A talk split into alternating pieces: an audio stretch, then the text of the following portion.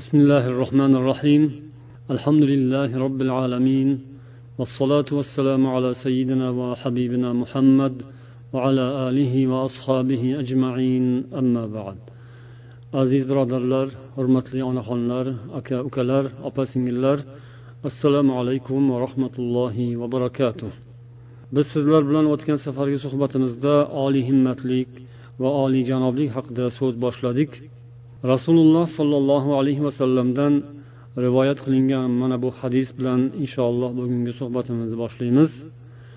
عن الحسين بن علي رضي الله عنه قال قال رسول الله صلى الله عليه وسلم إن الله تعالى يحب معالي الأمور وأشرافها ويكره سفسافها صحيح الجامع للألباني rasululloh sollallohu alayhi vasallam aytdilar alloh taolo ishlarning eng oliy darajadagisini va ulug'ini yaxshi ko'radi past darajalilarini yoqtirmaydi dedilar. Safsaf al umur al haqir ar radi minha. Ya'ni ishlarning yoqimsizi sifati past darajada bo'lganlari bu mavzudan ko'zlangan maqsad oliyjanoblik deganimiz yoki himmati balandlik deganimiz hamma ishda yuksak darajaga intilish. Ishlarni past darajalisi bo'ladi o'rtachasi bo'ladi oliysi bo'ladi. Mo'min musulmon odam oliysiga intilish kerak degan mazmun yotadi bu mavzuning zamirida. Chunki siz bilan biz darajasi nihoyatda yuksak bo'lgan oliy zot hech bir narsaga o'xshatib bo'lmaydigan biror narsa bilan uni taqqoslab bo'lmaydigan uni biror bir misoli bo'lmagan uning o'xshashi bo'lmagan haddu cheki bo'lmagan zotning nimasimiz? Bandasimiz. Va bandalarning ichida ana shunday oliy darajalarga musharraf bo'lgan eng oliyjanob va eng yuksak xulqli insonning nimasimiz? Ummatimiz. Ana shunday ulug' zotlar siz bilan bizdan nimani istashadi? Shunday oliy darajali uning darajasi hech narsa bilan o'lchab bo'lmaydigan uning darajasiga hech kim teng kela olmaydigan zot o'zini bandalaridan ham bu dunyo hayotini ana shunday yuksaklikka intilgan holda o'tkazishlarini istaydi. Va buni rasululloh sollallohu alayhi vasallam orqali bizga yetkazgan va bizdan talab qilgan va uning misollarini shu hayotda ko'rsatgan ham. Alloh taoloning payg'ambarlari va ularga ergashgan yaxshi insonlar sahobalar va solih insonlarning hayotidan alloh taolo bizga misollarni ham ko'rsatib qo'ygan. Ana shunday ekan alloh bizga qilsa bo'ladigan erishsa bo'ladigan cho'qqilarni ko'rsatgan ekan. Musulmon odamlar shunga intilishlari kerak. Hammamiz ham intilishimiz kerak. Hammamizning darajamiz har xil quvvatimiz imkoniyatlarimiz tushunchalarimiz ham har xil. Lekin shunday bo'lsa ham talab bir xil. Har xil darajadagi odamlar bir xil cho'qqiga qarab intilib yurishlari kerak. Hech bo'lmaganda yo'l bitta bo'ladi shunda. Hamma bir joyga intilsa ulug' cho'qqilarga intilsa hamma yetib chiqmaydi. Hamma o'sha cho'qqilarga erisha olmaydi. Lekin hammaning dilida yaxshi niyat paydo bo'ladi va hammaning yo'li poklanadi. Va hamma alloh taolo azalda o'zi bitgan yozib qo'ygan darajaga yetadi. Shuning uchun bu mavzu ya'ni oliyjanoblik yoki oliy himmatlik mavzusi himmatni baland qilish degan mavzu judayam ulug' mavzu. Biz o'tgan safar ham gapirdik hamma yaxshi xulqlar va yaxshi sifatlar hamma ibodatlarni jamlab turib bitta tugunga to'ksa mana shu yerga to'ksa bo'ladi desak noto'g'ri bo'lmaydi. To'g'ri ixlos bor eng ulug' fazilatli sifatlardan yoki huquqlardan tavhid bor iymon bor ularning ham hammasi jamlanib mana shu nuqtada ko'rinadi desak bo'ladi. Bu mavzuni biz o'tgan safar ham eslab o'tdik. Lug'at kitoblaridan qaraganimizda masalan o'zbek tilining izohli lug'atda oliyjanoblik degan modda bor edi lekin xalqning tilida biz qulog'imizga tushgan o'zaro gaplashganlarimizda ishlatadigan iboramizni qidirib man topolmadim. Qaysi iborani deb o'ylaysizlar? Oliy himmat oliy himmatlik degan ibora qarang shunday bir butun lug'atga kirmagan. Bu man hozir qaraganim lug'atni eski bosmasi avvaldagi nashri ehtimol hozir yangi nashrlarida bu chiqqandir. Shu narsalarga ham sizlar ham qiziqishlaringizni tavsiya qilardim. Ya'ni o'zimizni tilimizni o'rgatadigan kitoblarni o'qishimiz kerak. Oliy himmatli degan yoki oliy himmat degan ibora bizni tilimizda bor. Odamlar o'rtasida yuradi shu. Lekin lug'atga shu tarzda kirmagan oliyjanob kirgan himmat kirgan. Lekin oliy himmat degan narsa boshqa joyda bir moddaning ichida kelgan izoh sifatida bir jumla sifatida kelgan ekan. Lekin alohida modda qilib alohida so'z qilib yuqoriga olib chiqilmagan. Oliy himmat izohli lug'atni ikki yuz to'qsoninchi betida juvonmard degan so'zga izoh bo'lib kelgan. Juvonmard degan so'zni berishgan. O'shanga izoh qilib oliy himmat deb qo'yishgan. Juvonmardni eshitganmisizlar? Juvonmard bu kam ishlatiladi. O'zi ham mana lug'atda qavs ichiga fors tojik tilidan olingan deb qo'ygan eskirgan kitobiy so'z. Ya'ni odamlarni tilida kam ishlatiladi yoki ishlatilmaydi. Kitoblarda keladi. Kitobiy so'z deydi shuni. Ya'ni odamlar kam ishlatadigan. Lekin ma'rifatli odamlar bundan xabardor bo'lishlari kerak. Juvonmard forscha so'z. Juvon degani javon ham deyishadi. Javon juvon yosh degani yigit degani. Mard erkak degani. Juvonmard degani o'zbekchalaydigan bo'lsa erkak yigit degani bo'ladi. Ya'ni yigit erkak degani bo'ladi. Haqiqiy yigit degani bo'ladi. Haqiqiy erkak degani bo'ladi. G'ayratli shijoatli mard bahodir pahlavon degani. Bu yerda ham ma'nolarda yozgan ekan ikki xil ma'no bergan juvon mardga. Birinchisi mard botir dovyurak. Ikkinchisi ma'nosi oliyjanob oliy himmat xotam. Lug'atda bergani.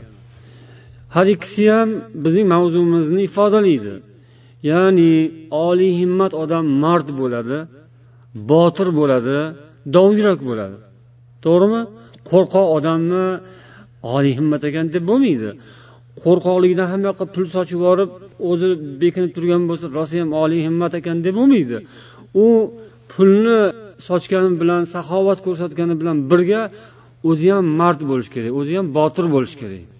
Rasululloh sollallohu alayhi vasallam jangda qayerda bo'lardilar? Dushmanga eng yaqin joyda turardilar degan so'z o'tgan safar o'tdi. Juvonmard mard botir dovyurak ikkinchi ma'nosi oliyjanob oliy himmat. Ya'ni oliyjanoblik o'sha xulqi atvori nihoyat darajada yuksak. Va oliy himmat xotam uni hammanglar tushunasizlar. Mana shu oliy himmat degan so'zni man keyin internetga tashlab ko'rdim qayerdan chiqarkin deb. Mana alisher navoiyning nasoimul muhabbat degan asari bor. O'sha asarda kelgan ekan.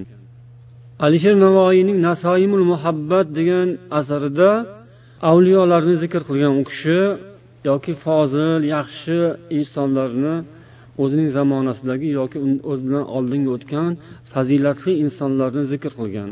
O'sha yerda jafar bin muhammad bin nusayr xuldiy havvos rahimaullohu taolo shu odam haqlarida bergan tazkiyasi javonmardlik o'z nafsini xor musulmonlar hurmatini ulug' bilmakdir. Va ham ul deb kim oliy himmat bo'l. Zotan kishini jiddu jahd emas oliy himmat kamonga yetishtiradi. Bu o'sha qadimiy yaxshi insonlarning so'zlaridan namuna. Eski o'zbek adabiyotida kelgan oliy himmat degan ibora bu kishi demak oliy himmat bo'l. Zotan kishini jiddu jahd emas ya'ni faqat quruq harakatning o'zi emas balki oliy himmat kamolga yetishtiradi degan.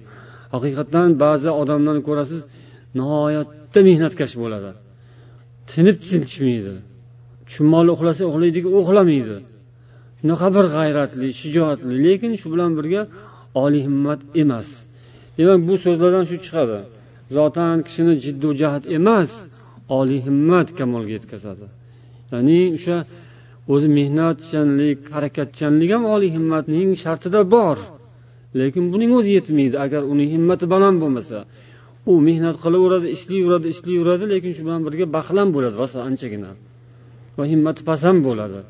Bir biriga demak buni qovushtirish kerak. Shu mehnatkashlik shijoat harakatni yoniga demak oliy himmatlikni ham qo'shish kerak. Mualliflar oliy himmatlik bobida odamlarning turlari haqida yozishadi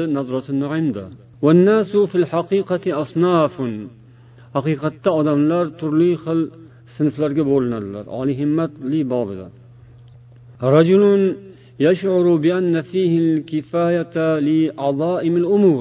Shunaqa odam borki ulkan buyuk ishlarga o'zida kafoat sezadi ya'ni o'zida layoqat borligini biladi. Haqiqatdan odamlar o'ziga nazar solish kerak. Odam o'ziga qarash kerak o'zini baholash kerak. Man nimaga qodirmanu nimaga qodir emasman? deb o'ylash kerak o'zini tekshirish kerak. Birovni tekshirishga bilamiz ustamiz. Birovga baho berish bilamiz. O'zimizga ham baho berishimiz kerak. Man o'zi nimaga qodirman? Ba'zi odamlar bor o'zining ulug' ishlarga munosib ekanini biladi his qiladi.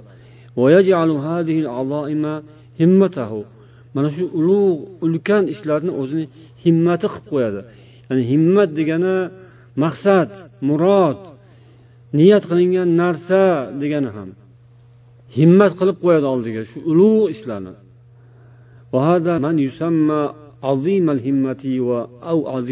Bu odamni himmati buyuk odam yoki qalbi buyuk odam desa bo'ladi. O'zini nima ishlarga loyiqligini bilib o'shani o'ziga maqsad qilib qo'yib shunga harakat qilayotgan bo'lsa o'sha odam himmati buyuk odam. Ikkinchisi rajulun fihil kifayatu umur nafsahu. Bir odamda shunday ulkan ishlarga yuksak cho'qqilarga layoqat bor shunga erishish mumkin. O'shanday katta ulkan ishlarni qilishi yoki egallashi qo'lga olishi mumkin. Unda kifoyat layoqat bor lekin o'zini nafsini yerga uradi. O'zining niyatlarini maqsadlarini past ishlarga bog'lab qo'yadi. Mayda ishlarga bog'laydi. Bu himmati past odam bo'ladi. Av sag'iran nafs nafsi kichkina odam ya'ni qalbi kichkina odam. Niyati ham himmati ham past odam bo'ladi. Mana farqini ko'rsak bo'ladi. Endi inson siz bilan hammamiz o'zimizga ham o'zimiz nazar solishimiz kerak haqiqatdan. Ya'ni shunday yaxshi ishlar ulug' ishlar buyuk ishlarni qilishga intilishni o'rniga past ishlar bilan oddiy mayda chuyda ishlar bilan mashg'ul bo'lib o'shalarni ketiga tushib olib qayda bir mayda narsa uchrab qolsa chippa yopishib o'shani ustida mulohazalaru mubohasalaru bahslaru munozaralar kerak bo'lsa janjallar urush to'polonlarga aylantirib yuborish haqiqatdan pastkashlik bo'lar ekan. Inson o'zini nimaga loyiqligini ajratgani yaxshi ekan. Bu mani ishim emas. Bu manga yarashmaydi deb inson o'ziga ayta olishi kerak ekan. Yuqoriroqqa qarab ketish kerak ekan. Alloh hammamizni shunday qilsin ilohim. Hammamiz ham judayam o'zimizni shunday yuksak yaxshi ulug' ishlarga bog'laganmiz deb aytolmaymiz nechta bo'ldi? Uchinchisi rajulun la yakfi umur. Bir odam bor o'zi u odam ulkan ishlarga kifoya qilmaydi. Unda kafoat yo'q layoqat yo'q. U unday ulug' ishlarga munosib emas. O'zi ham biladi shunday ishlarni qilolmaydi toqati yetmaydi eplolmaydi uddasidan chiqolmaydi unday ishlar uchun yaratilmagan. Odamda farosat bo'lsa biladi. Man o'shanday ishlarga moslanmaganman o'shanga yaratilmaganga o'xshayman. Unday ishlarni qilolmasam kerak deb sezadi.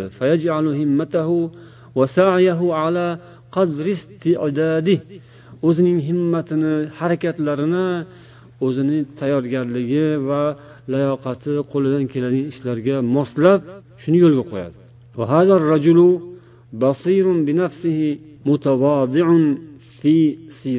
Bu odam o'zini nafsini ko'ra olgan o'zini xulqida kamtar bo'lgan odam. O'zini tanigan odam. Qarang mana shu uch xil sifat.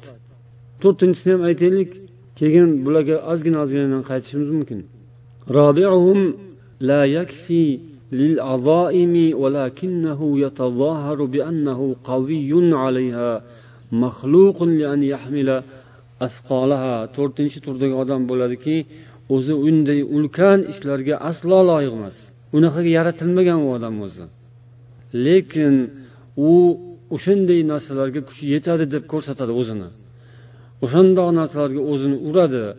Ana shunday ulkan yuklarni buyuk ishlarni ko'tarishga xoslab yaratilgan deb hisoblaydi o'zini.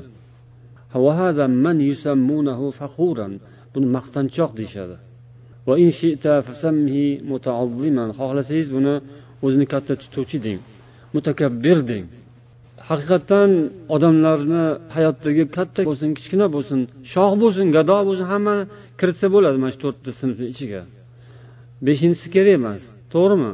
Mana shu to'rtta yo'lga solsa bo'ladi odamlarni to'rtta doiraga kiritsa bo'ladi. Endi mayli boshqalar haqida ham atrofimiz haqida ham ozgina mulohaza yuritsak ayb bo'lmaydi. Chunki mo'min mo'minning oynasi mani ko'proq tashvishga soladigan narsa sizlar ham o'ylab ko'ringlar mana shu nuqtai nazardan kelib chiqqan holda nima narsa sizlar uchun tashvishli? Qaysi narsa tashvishli? To'rtinchisi sizga to'rtinchi tashvishli ekan. Bu ham to'g'ri. Chunki agar man sizni tushungan bo'lsam hayotda shunaqa odamlar borki o'zi bir pulga arzimaydi lekin katta katta narsalarni ushlab olgan katta joylarni egallab olgan xalqni yotqizib turg'izadi istasa o'ldiradi istasa mani tiriltirdim deb namrudga o'xshab qamoqxonadan chiqaradi. Va hokazo. Ular shu to'rtinchi toifaga kirsa kerak. O'zi hech narsaga loyiq emas. Atroflarni hammasini panjara bilan o'rab oladi. Kerak bo'lsa tanklar raketalarni ichiga kirib oladi. Va hokazo. O'shanday katta narsalarga man loyiqman deb odamlar saylamasa ham o'zini saylaydi. Hamma narsani qotiradi boplaydi. To'rtinchi turdagi odamlar. Yana kimni qaysinisi tashvishga soladi? Qaysinisi ko'proq e'tiboringlarni tortadi? Ikkinchisi deyishyapti ko'pchilik. Ikkinchisi nima ekan? Rajulun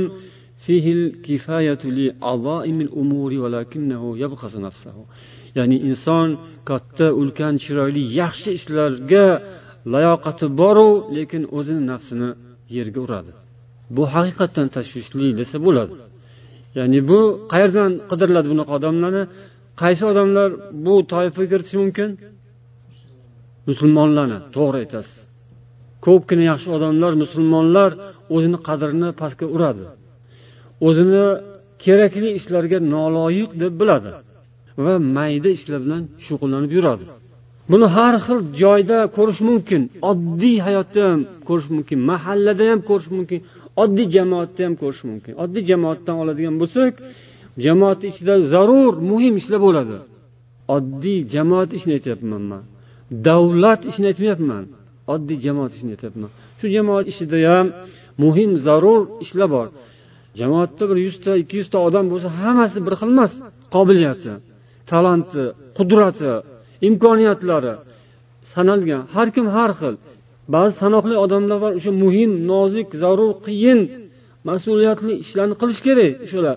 Lekin o'shalar odamlar shunaqa ishdan o'zini olib qochsa mayda ish topib olib man bandman nima bilan bandsan? Qarasangiz oddiy bir ish.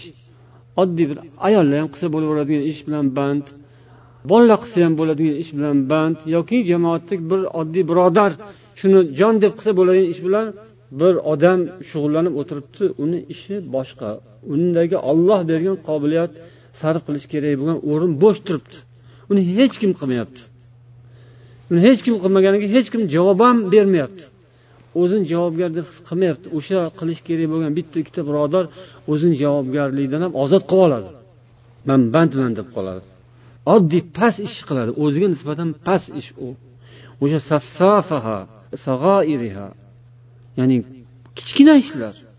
Odam o'zini qadrini olloh huzurida bilishi kerak. O'zini huzurida ham. Odamdan oldida emas. Odamlarni ko'tar ko'tar qilmasin saylamasin odamlar uni tanimasin. Lekin odam o'zini o'zi tanisin o'zini qo'lidan keladigan boshqani qo'lidan kelmaydigan ishni o'zi bilsin topsin va qilsin. Bu odam demak kim bo'lar ekan shu odam? Oliy himmat o'sha bo'lar ekan. Azimul himmat. Ya'ni bu qaysi doiraga kiradi bu odam? Ikkinchi doirada edi hozir o'shanda qaysi doiraga o'tadi? Birinchiga o'tadi rahmat. Shunaqa ikkinchi doiradagi odamlar ko'p o'shalarni olib birinchiga o'tkazishimiz kerak. Ya'ni o'zimiz o'tolmasak ham boshqalarni o'tkazishimiz kerak. Bu mavzudan ko'zlangan maqsadlar nuqtalardan biri shu. Hamma barobar oliy himmat oliyjanob bo'lib ketolmaydi. Lekin bizning ichimizdan oliy himmat odamlar chiqishi kerak. Oliyjanob odamlar chiqishi kerak. Juvon mardlar yoki eski o'zbek tilida aytsa javon mardlar chiqishi kerak. Ana o'shanda taraqqiyot bo'ladi o'shanda xalq ozod bo'ladi o'shanda biz o'zbek xalqi ekanmiz olloh hammani har xil xalqqa mansub qilib yaratgan o'shanda o'zbek xalqini ham ko'ksiga shamol tegadi. O'shanda inshaalloh ya'ni shu javon mardlar ko'paysa oliy himmatlar ko'paysa o'shanda o'zbeklarni o'ligi xorij mamlakatlardan kelishi kamayadi to'xtaydi inshaalloh. O'zbeklar ham o'zini yurtida olloh bergan o'sha o'zbekistonda erkin ozod aziz mukarram mo'min musulmon olloh buyurgan amrlarni o'z uyida o'z vatanida erkin emin holda amalga oshira oladigan bo'ladi inshaalloh. Shuning uchun ham hammamiz oliy himmat oliyjanob javonmard shunday yuksak xulqli bo'lishga intilishimiz kerak. Lekin hammamiz cho'qqiga chiqa olmasak ham bizni ichimizdan odamlar chiqadi xudo xohlasa. Mana mavzuning inshaalloh mag'izi shu yerda ya'ni sizlarga keltirilgan misollarni eshitib biza bunaqa bo'lolmaymizku deyishi mumkin kimdir? Bu yerda oliy misollar ulug' misollar bor. Oliy misol ollohniki undan keyin rasulullohniki keyin sahobalar va yaxshi insonlarniki. O'shalarni eshitib o'rgangan mahalda endi biz bilan bularni orasida ancha joy borda masofa bor. Bular qayerdayu biz qayerda degan xato fikrda qolmaylik. Biz ham ichimizdan. Ana shunday insonlar ularga o'xshagan odamlar yetishib chiqishi uchun biz oddiy odamlar harakat qilishimiz kerak. Biz oddiy odammiz deb yaxshi oddiy odam bo'lib turib shunday harakat qilaylikki oramizdan ichimizdan ana shunday oliyjanob insonlar yetishib chiqsin. Daraxtni mevasi yoki uning guli o'sha gulni chiroyli ko'rinib hammaga shunday yal yal yonib hammani e'tiborini o'ziga tortib turadigan gul ochilish uchun yoki bir qip qizil olma anor chiroyli bo'lib pishib hammani o'ziga chaqirib shunday bir ajoyib nur taratib turishi uchun nima kerak? Hech kimni ko'ziga ko'rinmaydigan turpoqlarni ostida tagida yotadigan nima kerak? Ildiz kerak. Uni burishgan narsa ko'tarib turadigan nima kerak? Uni birov rasmga ham olmaydigan birov maqtamaydigan burishgan tirishgan nima kerak? Tanasi kerak ustun kerak. Ko'tarib turadigan shunday bir quvvatlar kerak. Hech bo'lmasa biz o'shanaqa bo'lishimiz kerak. O'shanaqa ildiz bo'lishimiz kerak. Tana bo'lishimiz kerak. Ko'tarishimiz kerak. Keyin o'sha yerdan yaxshi mevalar inshaalloh yetishadi. Demak qaysi bir guruh tashvishlanarli ko'proq bizning e'tiborimizga molik desak shu ikkinchi guruh ekan. To'g'rimi?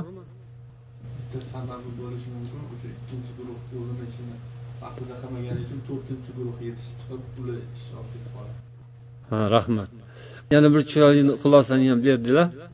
Ikkinchi guruhdagi odamlar o'zlarini bilmaganlari nafslarini tanimaganlari o'zlarini qadrlarini yerga urganlari uchun o'zlari qilish kerak bo'lgan ishlarga intilmaganlari uchun himmatlari past bo'lgani uchun to'rtinchi guruhlar chiqadi deyaptilar.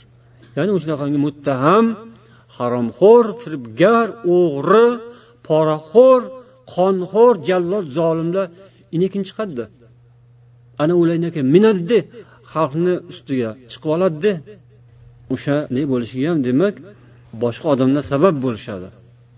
Endi suhbatimizning buyog'ida yana ba'zi bir qissalar va misollarga murojaat qilamiz عن سعد رضي الله عنه قال رأيت أخي عمير بن أبي وقاص سعد بن أبي وقاص رضي الله عنه bu kishi kim jannat bilan bashorat berilgan o'nta sahobiyning birlari bu kishi aytadilar man ukam umayr ibn abi vaqqosni rasululloh sollallohu alayhi vasallamning ko'zlaridan qochib bekinib yurganini ko'rdim deydilar qaysi kuni badr jangida badr kunida ukam odamlar orasida bekinib yuribdi qarasam rasulullohdan qochyapti bekinyapti nima uchun jihodga chiqishni to'sib qo'ymasliklari uchun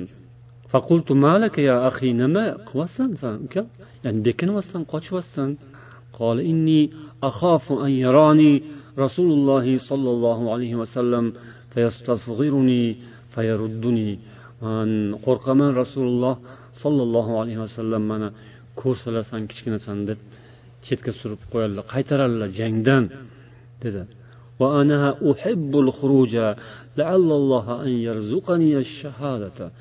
Man man shu jangga chiqishni xohlayman. Shoyatki olloh menga shahidlikni nasib etsa. Subhanalloh.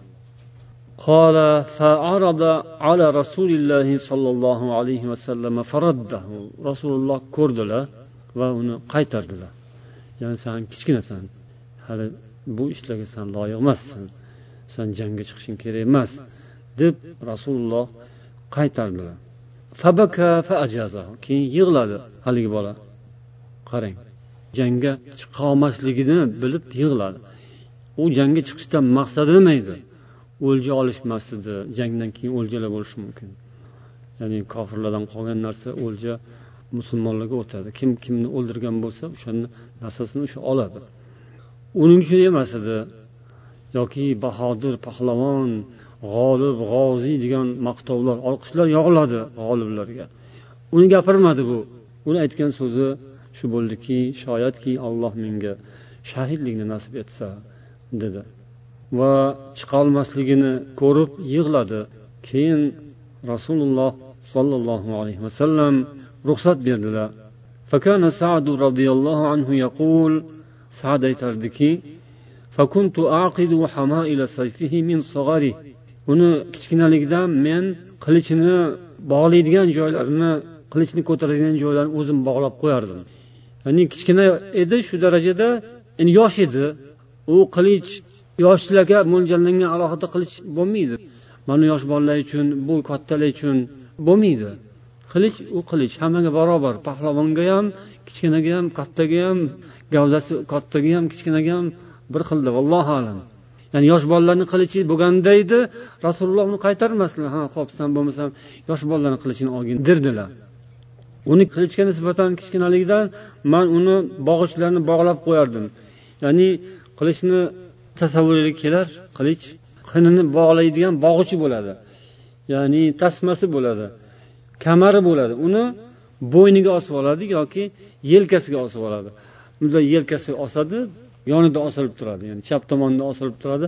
O'ng yelkasiga haligi kamarini osadi tasmasini.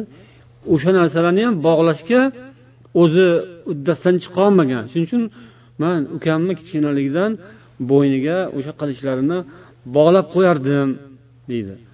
Faqutila jangga kirdi o'ldirildi. Ibnu sitta sana. O'shanda u o'n olti yosh edi. Al isoba va ravohu tabaroniy val bazzar. Bu nimadan? Nimaga misol bu? Himmatga misol. Oliy himmatlining misoli mana shu o'n olti yoshli bolada. rasululloh uni qaytardilar lekin u o'zini shunga loyiq deb bildi u nafsini qalbini o'zini shunga loyiq deb bildi shu inson yana bir misol shujaatu abi mihjan as saqafiy abu mihjan as saqafiyning shijoati roziyallohu anhu قتاله يوم القادسية حتى ظنوا أنه ملك uni qodisiya jangidagi kurashi jangi uni farishta deb o'ylashgani qodisiya forslar bilan bo'lgan jang. Buni ibn sirin rivoyat qiladilar. Abu mihjan as saqafiy boshida judayam bir noto'g'ri ishlarni qilib yurgan odam bo'lardi. Ko'p xamr ichardi va ko'p tanbeh yerdi ko'p jazo ham olardi shunday qilgani uchun. Qodisiya jangi bo'lgan kunlarda uni qamab qo'yishgandi. Ya'ni bunga jazo sifatida shu ishidan to'xtamagandan keyin nafsini tiyolmagandan keyin qamab qo'yishgan ya'ni u qamoqlari ham o'zi bir ibtidoiy qamoq bo'lgan bir e, bostirma deyiladimi yoki o'tinxona deyiladimi shunga o'xshagan joyga olib borib bog'lab qo'yishgan. Shunda san tinch turarmikinsan deb. Va o'shanda qodisiya jangi bo'layotgan edi. Xabarlarni eshitib turardi jang haqida kelayotgan xabarlarni. Musulmonlar nihoyatda og'ir holatlarda qolishayotganligini dushman ularni judayam qiyratib qirib tashlayotganligini eshitardi shunda o'sha atrofdagi ayollardan biriga odam jo'natdi فكأنه رأى أن المشركين قد أصابوا من المسلمين فأرسل إلى أم ولد سعد أو إلى امرأة سعد saadning ayoliga odam jo'natib aytdiki agar abu mehjanni qo'yib yuborsanglar va bitta otga mindirsanglar unga bir qurol bersanglar ya'ni bir qilich bersanglar uni qurollantirsanglar yo eng birinchi qaytib keladigan odam bo'ladi yo umuman qaytib kelmaydigan odam bo'ladi deb aytdi. Va yana bir bayt ham o'qidi she'r ham o'qidi. Qarang o'sha arablar yoki qadimiy arablar sahroyi badaviy arablar ham oddiy so'zni ham she'r bilan aytaverishgan. Shunaqa gapdon ham bo'lgan ishbilarmon ham bo'lishgan. Gapni ham qarang yuqorida aytgan so'zni ham qarangda mani qo'yib yuboringlar man urushib kelaman ularni dodini berib kelamanni o'zi emasda uning iborasini yo birinchi bo'lib kelaman yo qaytib kelmayman. Keladigan bo'lsam ham birinchi bo'lib kelaman. Kelmaydigan bo'lsam umuman kelmayman. Deb aytdi keyin haligi ayol borib uni chiqarib yubordi shu bog'langan joydan qo'yib yubordi va o'sha hovlida turgan otga mindirdi va bitta qilich ham topib berishdi. U ketib to'g'ri borib jangga kirib ketdi. Shunaqa urushdiki deydilar uni ko'rgan odamlar hayron bo'lishdi.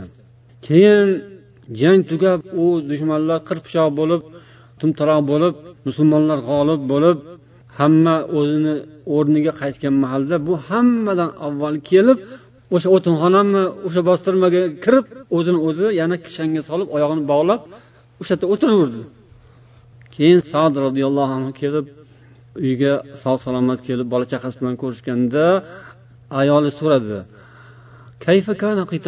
qandoq bo'ldi bu janglaringiz? Ya'ni sog' salomat keldinglar nima ishlar bo'ldi qandoq bo'ldi? Endi so'raydi bozordan kelsa so'raydiyu hozirgilarni qanday yaxshi keldingizmi bozorlar yaxshi bo'ldimi? deb so'raydiku ayollar shunga o'xshab ular ham so'rashdi janglar qanday bo'ldi? deb. Keyin sad aytdiki la qayna vala qayna. O'zinglar tarjimasini tushunib turibsizlarda man aytmasam arabchani bilmaydiganlar ham tarjima qilib oladi laqina va laqina. Shunaqa bo'ldi shunaqa bo'ldi degan endi.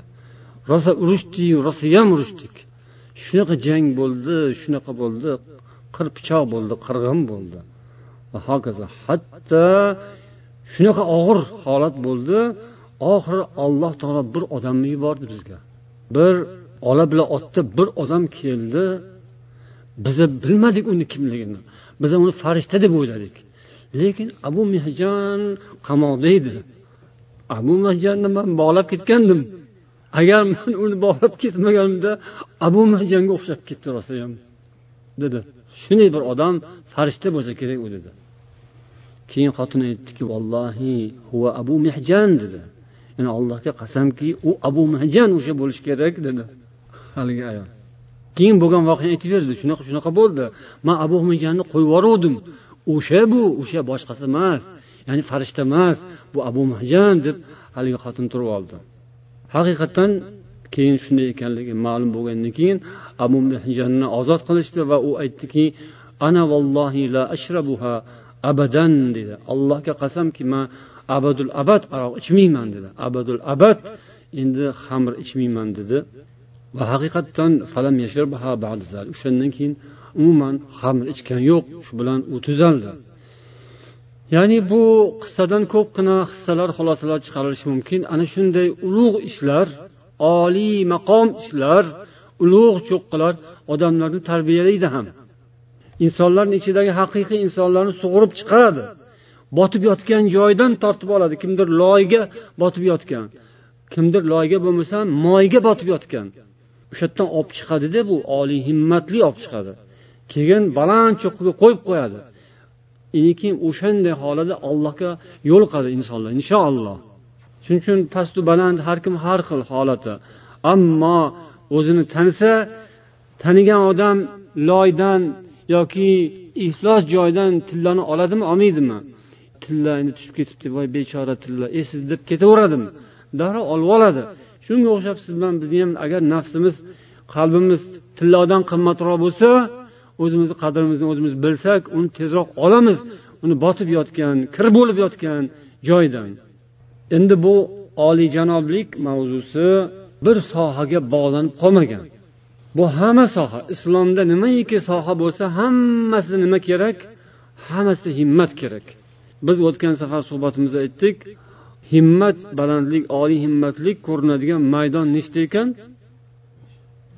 Beshta.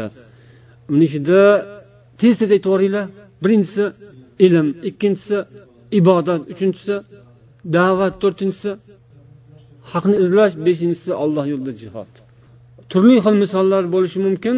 Shu beshta yo'ldan biriga kiritish mumkin.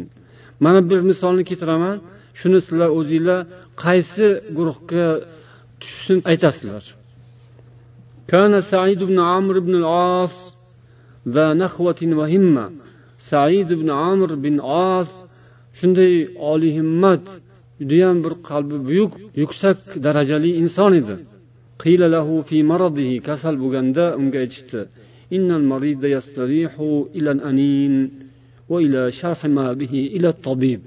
kasal odam kasal bo'lgan paytda ozgina oh voh qilsa uh buh desa shu bilan ham ichi ancha yengillashadi odam. Va kasalini tabibga so'ylab o'zini holatini bayon qilishi bilan odam yengil tortadi deyishdi. U inson demak og'ir kasal bo'lsa ham oh demas ekan ya'ni uh demas ekan biron bir ovozini chiqarmas ekan. Shundan ham yonidagilar taajjublanib yoki tashvishga tushar ekanda odam hammasini nima qilgan bo'ladi? Agar uf demasa oh demasa uh demasa ichiga yutadida hammasini o'ziga olib ichiga yutadi. Bu ichiga yutish judayam yaxshi emas. Shuning uchun odam yig'laganda nima bo'ladi? Ko'ngli bo'shaydi oh voh qilganda ko'ngli bo'shaydi o'shaning uchun haligi g'arbdagilar aytadida chiqsin mitingga deydi baqirsin deydi chaqirsin deydi keyin charchaysiz deydi. Ishi bo'shaydi deydi keyin borib yana ishini qilaveradi deydi. Sharqdagi diktatorlar shunga aqli yetmaydi. U baqirtirmaydi ham chiqarmaydi ham ovozini ham o'chir deydi. Oxiri ularni ichiga yutib yutib oxiri bir kun kelib portlaydi. Hammasini ag'darib to'ntiradi. Taxt paxti bilan birga qilib go'rga tiqib yuboradi. Undan ko'ra bunisi yaxshi emasmi? Tinch namoyishni o'tkaz. Mayli atrofiga armiyani qo'yib qo'y soldatlar politsiya qo'yib qo'y. Baqirsin chaqirsin so'ksin. Plakatlarni olib chiqsin boshqa qilsin. Keyin charchaydi ichi bo'shaydi hovurdan tushadi. So'kib so'kib bo'lsa ham keyin kirib ketadi. Ishlayveradi tag'in. Bu ham bir yo'l bu ham bir aql deydi odamlardagi aqlni har xilligi. Endi bu misolimizda haligi anin ya'ni uh deyish voh deyish uh deyish bu ham endi kasalni qo'sh tirnoq ichidagi ziynatida kasal. Kasal shunaqa desang lekin kasal. Lekin u odamda bunaqa narsa ko'rinmagani uchun shuni aytishdi hamma narsani ichingizga yutavermang deganday qilib yoki tabibga bayon qiling holingizni deb. Keyin u kishi aytdiki anin ya'ni oh voh deyish bu betoqatlik va or deydi. Betoqatlik jaza ya'ni o'zini tutolmaslik u yoqqa tashlab bu yoqqa tashlab har xil holatda yaxshi holatda ham yomon holatda ham betoqatlik bo'ladi ba'zi odamlarda. Sabri kam odamlar betoqat bo'ladi. Oh vohni ko'paytirib yuboradi dodvoyni ko'paytirib yuboradi bu jaza ya'ni o'sha kasal bo'lib turib shunday ovozlarni chiqaraverishlik bu jazo va or dedi. Or ya'ni uyat. Hammaga bo'lmasa ham bu odam o'ziga shuni or deb bilganini aytyapti. Bo'lmasam endi haligi gaplarga bu xilof bo'lib qoladiyu endi. Oh degan oh degan kasalni qoralab bo'lmaydiku. Lekin kim qanday? O'zini qanday tutadi? Bu yerda odamzod o'ziga bir narsani munosib ko'rish yoki buning aksi haqida gap ketyapti. Vallohi la yasmaulloh minni aninan fa akuna indahu jazuan. Allohga qasamki alloh mendan inshaalloh anin ya'ni inqillagan ovozni eshitmaydi. Uni huzurida man jazo ya'ni betoqat bo'lib yozilishni istamayman olloh huzurida. dedi وأما وصف ما بي إلى الطبيب فوالله لا يحكم غير الله في نفسي إن شاء أمسكها وإن شاء قبضها ammo tabibga holini bayon qilish bo'lsa allohga qasamki mening nafsimga ollohdan boshqa hech kim hukmronlik qilmaydi olloh o'zi hukm qiladi xohlasa oladi xohlasa beradi qo'yadi dedi al mustatrof ya'ni bunda ham shu oliy himmat odamning oddiy hayotdan bir misol endi bu. Ya'ni o'zini inson qanday tutadi qanday holatlarda. Endi buning aksilari bordi. Masalan payg'ambarimiz sollallohu alayhi vasallam aslini olganda davolanishga buyurganlarku tadavvov deganlar. Davolaninglar ya'ni kasallarga murojaat xitob. Chunki alloh taolo biror bir kasallikni yaratmadi agar uning davosi bo'lmasa. Har bir kasalning davosi bor. Davolanishga buyurganlar. Lekin bu odam o'sha davolanishga ham murojaat qilmayapti. Endi u paytdagi holat bilan bu paytni holat hozir har qadamda doktorku nima ko'p doktor ko'p u paytda unaqa bo'lmagan endi. Tabiblar noyob bo'lgan endi. Buyog'i ham bordir masalani. Yana shu bilan birga ya'ni davolanish mumkin. Rasululloh buyurganlar bu kishi bu yoqda bu so'zni aytib turibdi. Bu yerdan biz nima xulosa olishimiz mumkin? Aytish mumkinki ba'zida sal bir narsa tiq etsa ham ba'zilar darrov doktor yuguradi. Doktorlarni ba'zilar bezor qilib yuboradi doktorni ham. O'shanaqalarga bu gap nasihat ibrat bo'lsa kerak. Hamma kasallarga emas albatta. Yani hamma kasallar doktordan voz kechish kerak emas. Lekin ba'zilar doktorparast bo'ladi. Ba'zilar shu doriparast bo'ladi. Salga ham ikkita cho'ntagida dori yuradi.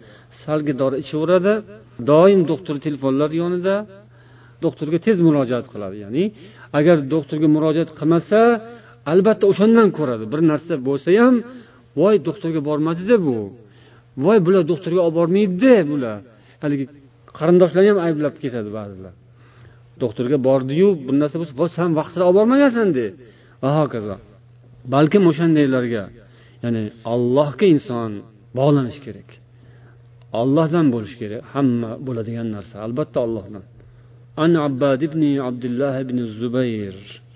Navbatdagi misolda jafar bin abi tolibning misollari keltirilgan. Buni qisqacha qilib aytib o'tadigan bo'lsak mota g'azvasida bu kishi ishtirok etgan va qo'mondonlardan biri bo'lgan. Jafar bin abi tolib o'zlari kim bo'lgan? Rasululloh sollallohu alayhi vasallamning jiyanlari bo'lgan. Rahmat bu kishini ham hayotlarida ibratli voqealar ko'p bo'lgan jumladan mo'ta g'azvasida ko'rsatgan shijoatlari va u o'sha jangda bu kishini shahid bo'lgani halok bo'lgani jangni shunday jang qilganki otidan tushib otini so'yib o'zi piyoda kirib o'zini oyog'ida turib jang qilgan shuni rivoyat qilishgan hikoya qilishgan va ikkita qo'llari oyoqlari kesilib ketgan o'sha jangda halok bo'lgan. Keyin rasululloh sollallohu alayhi vasallam bu kishini haqida bashoratlarini aytganlar alloh taolo jannatda unga ikkita qanot ato qildi jannatda uchib yuradi uchib yuribdi deb va jafar tayyor degan laqabga musharraf bo'lgan وعن ابن عمر رضي الله عنهما أن عمر رضي الله عنه قال يوم أحد لأخيه عمر رضي الله عنه ukalarga uhud kunida aytdilar mana bu sovutni san kiyib olgin ukam deb ya'ni bitta sovut bo'lgan san kiyib olgin deganlar o'zlari kiymasdan siz nimani istayotgan bo'lsangiz man ham o'shani istayman dedi ukalari nimani istayman dedilar ular shahodatni shahidlikni istayman dedilar va ikkovlari ham tark etishdi kiyishmadi روي عن عمر بن الخطاب رضي الله عنه أنه قال لا تصغرن هممكم فإني لم أرى أقعد عن المكرمات من صغر الهمم adabu dunyo va al mavardiy umar ibn hattob roziyallohu anhu aytdilarki sizlar himmatlaringizni kichraytirmanglar. Chunki men insonni hurmat ehtirom izzat ikrom yaxshi martabalar yaxshi maqomlardan to'sib qo'yadigan himmat pastlikdan ham ko'ra kuchliroq narsa ko'rmadim dedilar. Ya'ni insonni yaxshiliklardan mahrum qoladigan eng yomon narsa eng ta'sirli eng kuchli narsa nima ekan? Himmati pastlik past bo'lsa odam qiladigan ishni qilolmaydi boradigan joyga borolmaydi aytadigan gapni aytolmaydi qiladigan ibodatni ham qilolmaydi oddiy ro'zani ham tutolmaydi oddiy qisqa kunda sovuq kunda bir necha soatlik ro'zani ham tutmaydi. Qo'rqadi. Himmati past odam. Uzun tunda ham bir rakat namoz o'qiolmaydi balki qazo qiladi bo'g'izga olib borib o'qiydi yoki oddiy bir tangani ham ehson ham qilolmaydi qo'rqadi. Hammasi shu mana shu tangaga joylangandek joniyu moliyu hayoti himmati past bo'lsa oddiy ishni ham qilolmaydi odam. Shuning uchun himmatinglarni baland qilaveringlar. Ollohdan ko'rasizlar u yog'ini degan ma'no. Imom abu dovud al sijistoniy haqlaridagi rivoyat ikkinchisi said ibn osning so'zi. Biri ilm bobidagi oliy himmatli ikkinchisi xulqdagi oliy himmatli. Ikkita misol inshaalloh shu bilan tugallaymiz. Hofiz abu bakr abdulloh bin al imom al hofiz abu davud as sijistoniy bu kishini sizlar qanday taniysizlar muhaddis rahmat. Yana nimalari bor bularni? Sunan abi davud kitoblari bor. Kutubi sittaning biri bu. Buxoriy muslim termiziy abu davud keladi. Bu inson uch yuz uchinchi hijriy sanada tug'ilgan aytadilar dahaltul kufata va maiya dirhamun vahid. Bir dirham bilan kufaga kirdim. Bihi salasina muddan baqilla. O'sha bir dirhamga o'ttiz mud boqillo sotib oldim. Bir dirham eng past pul tiyinga o'xshagan. Dinor oltin pul dirham kumush tanga bir dirham demak kumush tangaga o'ttiz mud boqillo. Ikkita kaft shunday qo'shganda olganni bir hovuch deydi. Mana shu bir mud ikkita kaftni qo'sh. Shunaqa bir muddan o'ttiztasini sotib oldim bir dirhamga. Boqillo bu loviya. Bizdagi loviya har xil turlari bo'ladiku arablarda ham qizili bor sarig'i bor ko'ki bor va hokazo o'shandan o'ttiz hovuch sotib oldilar فكنت آكل منه وأكتب عن الأشج عبد الله بن سعيد الكندي محدث الكوفة o'shandan yerdim har kuni va kufaning muhaddisi abdulloh bin said al kindiydan hadis yozardim ya'ni hadis o'qirdim bu yozish degani o'qish degani bizning bugungi tilimizdagi tarjima qilsa muhaddis olimdan hadis o'qirdim yozib o'qishgan ular حتى كتبت عنه ثلاثين ألف حديث ما بين مقطوع ومرسل haligi sotib olingan o'ttiz hovuch boqilla ham tugadi ya'ni loviya ham tugadi va men deydilar al ashaj abdulloh bin said al kindiydan o'ttiz ming hadisni yozib tugatdim bu nima bu bu ilm bobidagi himmat bu Bugungi kunda bizni talabalarimizga nima kerak? O'qish uchun ko'p narsa kerak. Hozir mana qimmat haligi surf plattalar haqida gapirilyapti. Qimmatbaho kompyuterlar olib beryapti mana gimnaziyadan katta bolalarga. Kitoblarni bepul qilib qo'yadi. Va hokazo sinfxonalari yoki bo'lmasam orada haligi ovqatlari tekin maktablarni. Endi o'shandan ibrat olib musulmonlar ham tekin ovqatlar joriy qilishyapti yo fikalar ya'ni o'rtasida bir tamaddilar joriy qilinyapti. Va hokazo tayyor darsliklar hammasi kerak. Bular kerak emas emas bu kerak. Bizni vazifamiz bu. Ya'ni zarur bu. Ilm yo'lidagi bizning himmatimiz bu. Bu bizning himmatimizga bog'liq. Bu himmatli ota onalar qilishi kerak bu ishni o'sha bolasiga ta'lim tarbiya uchun sarflash kerak. Lekin shu bilan bir qatorda bu yerda kimning himmati haqida gap ketyapti hozir bu rivoyatda? Talabaning himmati haqida gap ketyapti. U qanaqa xonada yozgani qanday joyda o'tirgani qanday kiyimda yurgani haqida gap ketayotgani yo'q va u tasavvur qilish qiyin emas. Ularni kiygan kiyimi o'sha paytda o'tirgan bo'yrasi yoki bo'lmasam qorong'u hujrasi va o'sha yongan millimetr santimetrlargacha o'lchab turiladigan shamlari ma'lum ularni tasavvur qilish qiyin emas lekin bu yerda muhimi shuki o'ttiz hovuch loviya bilan o'ttiz ming hadisni u kishi qo'lga kiritdi. Endi u hadisni sahihligi zaifligi boshqa masala. O'ttiz ming sahih hadis deyilmaydi lekin bular har bir hadisga o'sha bir xilda mehnat sarf qilishadi. Uni saralash keyingi vazifa u keyingi xizmat. Lekin og'izdan chiqqanni yozib olish to'plash bu muhim masala eng qiyin masalalardan biri.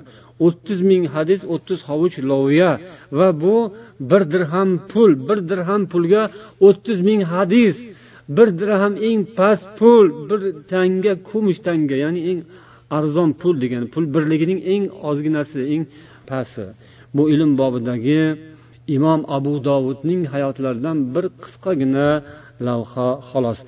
Yana qo'shimchasi bor ekan bu insonning tarjimai hollarda keltirilgan abu bakr bin dassa aytadilar sami'tu aba davud yaqul katabtu an rasulillahi sollallohu alayhi vasallam xamsamiat alf hadis. Men deydilar rasululloh sollallohu alayhi vasallamdan besh yuz ming hadis yozganman. rasulullohning besh yuz ming hadislarini to'plagan yarim million va bundan yana uni yig'ib olib uxlayvermaydi keyin uni yig'ib ustida ishlaydi uni boshqatdan undan ko'ra qiyinroq mehnatlar bo'ladi intahabtu minha ma dammantuhu hadal kitaba يعني كتاب السنن جمعت فيه أربعة آلاف حديث وثمانية مئة حديث o'shani ichidan besh yuz ming hadisning ichidan mana bu kitobga yig'ganim kirgizganim deydilar to'rt ming sakkiz yuzta hadis. Mana shu sunan abu dovudda demak shu olti kitobning ichidagi kitob sunan abu dovudda to'rt ming sakkiz yuzta hadis bor ekan. besh yuz ming hadisdan tanlab tanlab tanlab olingan tekshirib tekshirib olingan. Tarixlarni tekshiriladi bunda. Endi ikkinchi bir misol bilan inshaalloh tugatamiz. U nima haqida edi u misol va kimdan edi? Agar esinglardan chiqmagan bo'lsa eslatib yuboringlarchi xulq haqida edi rahmat. Said ibn os haqlarida. Qarang. Qola said ibn os ma shatamtu rajulan mundu kuntu rajulan. Man erkak bo'lganimdan beri biror erkak bilan so'kishmaganman. Ya'ni erkak degani ixtilom bo'lib balog'at yoshiga yetgandan keyin. U yog'i bola bu yog'i erkak. Endi erkaklik ham bo'linadi. Masalan yigitlik o'rta yoshlik qarilik va hokazo. Lekin har holda bitta chiziq bor bitta chegara bor erkak. Erkaklik o'sha balog'atdan boshlanadi. U yog'i nima? U yog'i o'n yettiga kirgan bo'lsa ham o'n oltiga kirgan ham o'n beshda hali balog'atga yetmagan bo'lsa u nima bo'ladi? U sabiy bo'ladi bola bo'ladi endi. Sag'ir kabir o'sha yerdan chiziq o'tadi. Erkak bo'lganimdan beri birorta erkak bilan so'kishmadim deyaptilar. Chunki man agar so'kishadigan bo'lsam ikkita odamdan bittasi bilan so'kishgan bo'laman. U yo karim bo'ladi yo laim bo'ladi. Odamlar shunaqada yo u yoqqa yo bu yoqqa bo'lishi bo'ladi. Ikkita guruhga bo'lsak yo karimga bo'lamiz yo laimga bo'lamiz. Yo oliyjanob karim oliyjanob oliy himmat xulqi yaxshi inson. Laim pastkash odam yaxshi emas odam. Billah. Man hech bir inson bilan so'kishmadim chunki so'kishsam ikkitadan bittasi bilan so'kishgan bo'laman. Yo oliyjanob yaxshi odam bilan so'kishgan bo'laman yo pastkash bilan so'kishgan bo'laman oliyjanob odam fa ana an ujillahu u odamni man izzat ikrom hurmat qilishim kerak menga loyig'i shu men uni hurmat qilishga loyiqman menga shu loyiq imma karimin fa ana أحق أن أجله وإما لئيم فأنا أولى أن أرفع نفسي عنه U odam yo karim bo'ladi men uni hurmat ehtirom qilishim menga shu loyiq yo u laim pastkash bo'ladi men nafsimni undan ko'ra balandroq tutishim lozim. Degan ekanlar. Buning ibratli tomonlari ko'p. Vaqtimiz mayli. Qisqa man qisqasini aytib qo'ya qolaman. Odamlar bor agar uni bir yaxshi odam so'ksa qarang bundan oladigan xulosamizga shunaqa fikr keladi. Bir odamlar borki uni bir yaxshi odam kelib so'ksa nima qiladi? Albatta so'kadi. Uni yaxshi so'kdimi yomon so'kdimi yaxshi bo'lsa so'kadimi deb qo'yadi. Bu ham bor lekin. Faraz qilaylik bir yaxshi odam bir odamni so'kdi. Ko'pgina odam ya'ni albatta so'kadi. To'g'rimi? Illo bu o'rinda nima deyilyapti? Agar said ibn os bo'lsa nima qilar ekan? So'kmas ekan. Uni nima qilishim kerak ekan? Hurmat qilishim kerak. Olijanob odam yaxshi odam. Man uni hurmat qilishim kerak. Yaxshi odam so'kadimi degan so'z bor turadi. Lekin faraz qilingki boringki so'kdi. Nimadir sabab bo'l bekordan bekorga so'kadimi odam so'ksa? Bir sabab bo'lganki bir narsa bo'lganki shunaqa narsa chiqib ketadi. Bu oddiy holat emas g'ayrioddiy holat favqulodda holat. Yaxshi odamni og'zidan ham yomon so'z chiqib ketishi mumkin.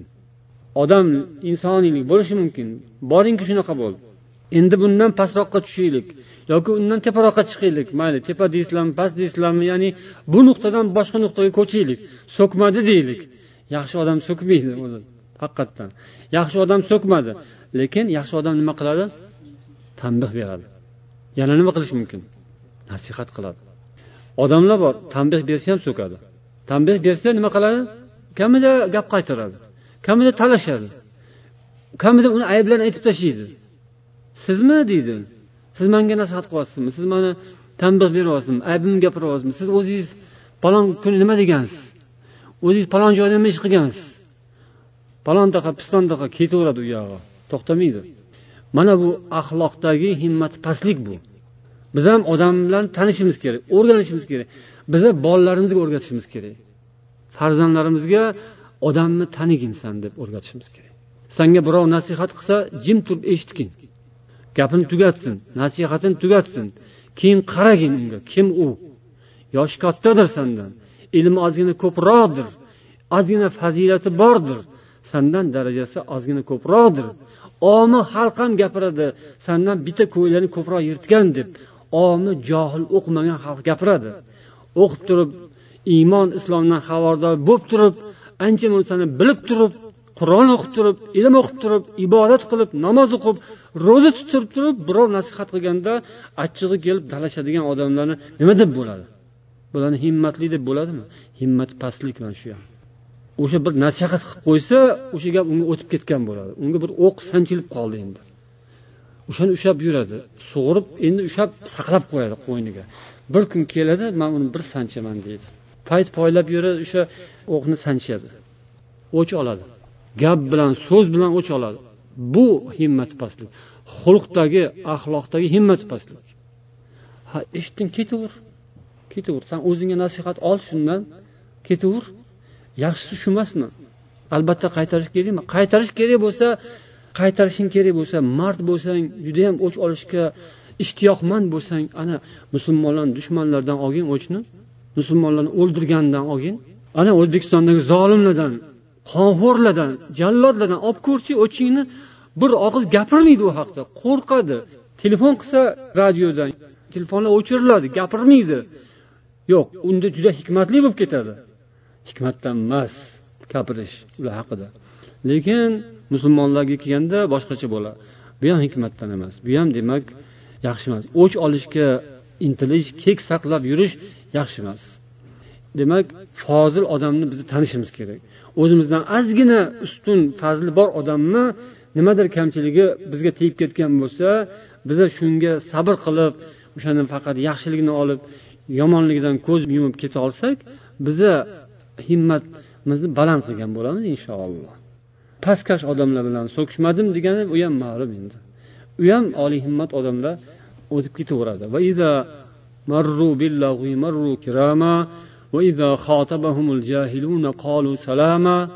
ya'ni behuda past narsalardan oldidan o'tib ketishadi himmatni baland qilib va johillar ularga muomala qilganda salom deb o'tib ketaveradilar oliyjanob odamlar himmati baland odamlar alloh taolo hammamizga tavfiq hidoyat berib himmatimizni baland bo'lishini nasib etsin سبحانك اللهم وبحمدك أشهد أن لا إله إلا أنت أستغفرك وأتوب إليك والسلام عليكم ورحمة الله وبركاته